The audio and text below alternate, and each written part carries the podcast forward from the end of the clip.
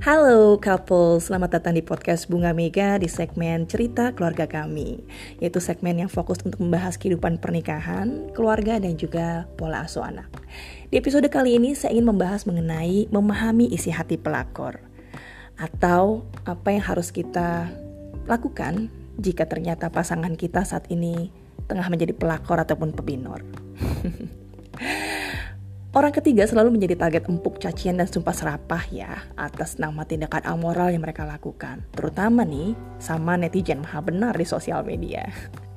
But anyway, episode kali ini bukan untuk membela pelakor dan pebinor, bukan juga untuk menghakimi karena saya tahu ya, saya juga sama, dosanya masih banyak. Dan episode ini juga bukan untuk kategori pelakor dan pebinor profesional. Artinya orang-orang yang mungkin punya hobinya seperti itu. Baik karena motif ekonomi, batas dendam, dan juga mungkin punya isu kesehatan mental. Tapi saya ingin kita sama-sama sejenak menaruh posisi kita di dalam perspektif seorang pelakor dan pebinor. Terutama misalnya jika rumah tangga kita saat ini tengah menghadapi situasi yang pelik akibat kehadiran orang ketiga atau ternyata menemukan bahwa pasangan kita tengah menjadi orang ketiga di dalam rumah tangga orang lain. Kita bisa berusaha mengenal perspektif hatinya, kesedihannya, ketakutannya, dan juga keinginannya.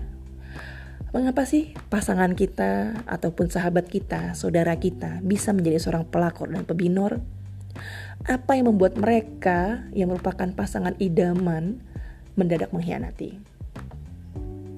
Dari yang saya tahu ya, semua kejadian yang ada rata-rata semua dimulai dari curhat. Yaitu ketika dua orang lawan jenis berbincang sebagai seorang kawan, satu rasa, satu derita. Dan kemudian jatuh berempati tentang kondisi rumah tangga masing-masing dan akhirnya merasa bisa saling menemukan jawaban dari kebuntuan yang membuat penat. Mereka tidak lagi merasa sulit berkomunikasi, nggak takut lagi mengeluarkan opini, bahkan kebutuhan emosional yang sudah lama tidak terpenuhi dapat tergantikan. Artinya ada aktivitas yang hilang dengan pasangannya terdahulu yang bisa digantikan oleh orang ketiga ini. Mengapa juga ia memilih untuk bercerita dengan orang lain dan bukan dengan pasangannya? Dear couples, intinya sih nggak ada asap jika nggak ada api ya. Sedikit pertanyaan reflektif buat kita semua. Mengapa kita, mengapa Anda, mengapa saya bukan lagi orang pertama dan satu-satunya yang paling tahu tentang hidupnya, tentang ketakutan dan keinginan pasangan kita?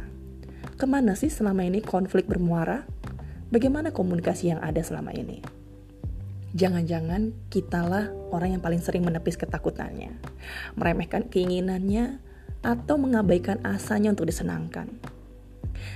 Saya memiliki beberapa teman yang akhirnya harus mengalami rumah tangganya kandas akibat pelakor dan pebinor. Namun satu sisi saya juga memiliki beberapa teman yang pernah berada dalam posisi orang ketiga. Di tahun lalu ada dua orang teman saya bercerita bahwa mereka sedang berada dalam posisi pelakor. Teman perempuan yang saya yang pertama itu dia tidak tahu kalau laki-laki yang dicintainya telah memiliki istri. Namun sang pria setelah ketahuan baru menjelaskan bahwa pernikahannya memang sudah lama bermasalah. Sementara teman perempuan saya yang lainnya memiliki sahabat, teman satu hobi yang tadinya awalnya cuma curhat-curhatan aja, dan ternyata menemukan satu kesamaan yaitu sama-sama bermasalah pernikahannya. Sama-sama memiliki pasangan yang tidak berempati memiliki pasangan yang tidak peduli dengan keinginan mereka. Bahkan komunikasi mereka sudah lama buruk sehingga akhirnya curhat yang terasa sederhana itu malah menjadi pintu pembuka ke dalam affair yang seperti itu. Dear couples, apabila pernikahan kita hari ini dalam kondisi yang Amin, baik-baik saja. Harmonis, sehat dan kuat. Tetap berusaha. Tetap berusaha dan berusahalah terus. Jangan pernah nyaman dengan status quo dalam rumah tangga. Karena apa yang tampak baik dan rutin bukan berarti nggak perlu percikan dan kejutan. Apa yang baik, apa yang indah, dan apa yang kerap Anda lakukan di zaman pacaran dulu, lakukan terus dalam pernikahan Anda. Karena ketika kita berhenti berusaha dalam pernikahan, maka kita membuka pintu kesempatan terhadap hati yang kesepian.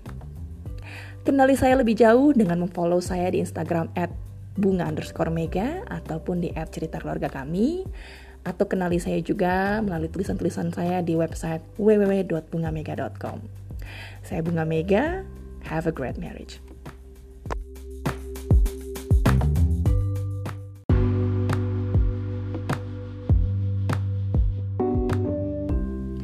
Halo couple, selamat datang di podcast Bunga Mega di segmen Cerita Keluarga Kami Yaitu segmen yang fokus untuk membahas kehidupan pernikahan, keluarga, dan juga pola asuh anak. Di episode kali ini saya ingin membahas mengenai memahami isi hati pelakor Atau apa yang harus kita lakukan jika ternyata pasangan kita saat ini tengah menjadi pelakor ataupun pebinor Orang ketiga selalu menjadi target empuk cacian dan sumpah serapah ya atas nama tindakan amoral yang mereka lakukan. Terutama nih sama netizen maha benar di sosial media. But anyway, episode kali ini bukan untuk membela pelakor dan pebinor, bukan juga untuk menghakimi karena saya tahu ya, saya juga sama, dosanya masih banyak. Dan episode ini juga bukan untuk kategori pelakor dan pembina profesional. Artinya orang-orang yang mungkin punya hobinya seperti itu. Baik karena motif ekonomi, batas dendam, dan juga mungkin punya isu kesehatan mental. Tapi saya ingin kita sama-sama sejenak menaruh posisi kita di dalam perspektif seorang pelakor dan pebinor. Pertama, misalnya jika rumah tangga kita saat ini tengah menghadapi situasi yang pelik akibat kehadiran orang ketiga atau ternyata menemukan bahwa pasangan kita tengah menjadi orang ketiga di dalam rumah tangga orang lain. Kita bisa berusaha mengenal perspektif hatinya, kesedihannya, ketakutannya, dan juga keinginannya. Mengapa sih pasangan kita ataupun sahabat kita, saudara kita bisa menjadi seorang pelakor dan pebinor? Apa yang membuat mereka yang merupakan pasangan idaman mendadak mengkhianati? Dari yang saya tahu ya, semua kejadian yang ada rata-rata semua dimulai dari curhat. Yaitu ketika dua orang lawan jenis berbincang sebagai seorang kawan, satu rasa, satu derita. Dan kemudian jatuh berempati tentang kondisi rumah tangga masing-masing dan akhirnya merasa bisa saling menemukan jawaban dari kebuntuan yang membuat penat. Mereka tidak lagi merasa sulit berkomunikasi, nggak takut lagi mengeluarkan opini, bahkan kebutuhan emosional yang sudah lama tidak terpenuhi dapat tergantikan. Artinya ada aktivitas yang hilang dengan pasangannya terdahulu yang bisa digantikan oleh orang ketiga ini. Mengapa juga ia memilih untuk bercerita dengan orang lain dan bukan dengan pasangannya? Dear couples, intinya sih nggak ada asap jika nggak ada api ya. Sedikit pertanyaan reflektif buat kita semua. Mengapa kita, mengapa Anda, mengapa saya bukan lagi orang pertama dan satu-satunya yang paling tahu tentang hidupnya, tentang ketakutan dan keinginan pasangan kita? Ke mana sih selama ini konflik bermuara? Bagaimana komunikasi yang ada selama ini? Jangan-jangan kitalah orang yang paling sering menepis ketakutannya, meremehkan keinginannya, atau mengabaikan asanya untuk disenangkan. Saya memiliki beberapa teman yang akhirnya harus mengalami rumah tangganya kandas akibat pelakor dan pebinor. Namun satu sisi jadi saya juga memiliki beberapa teman yang pernah berada dalam posisi orang ketiga. Di tahun lalu ada dua orang teman saya bercerita bahwa mereka sedang berada dalam posisi pelakor.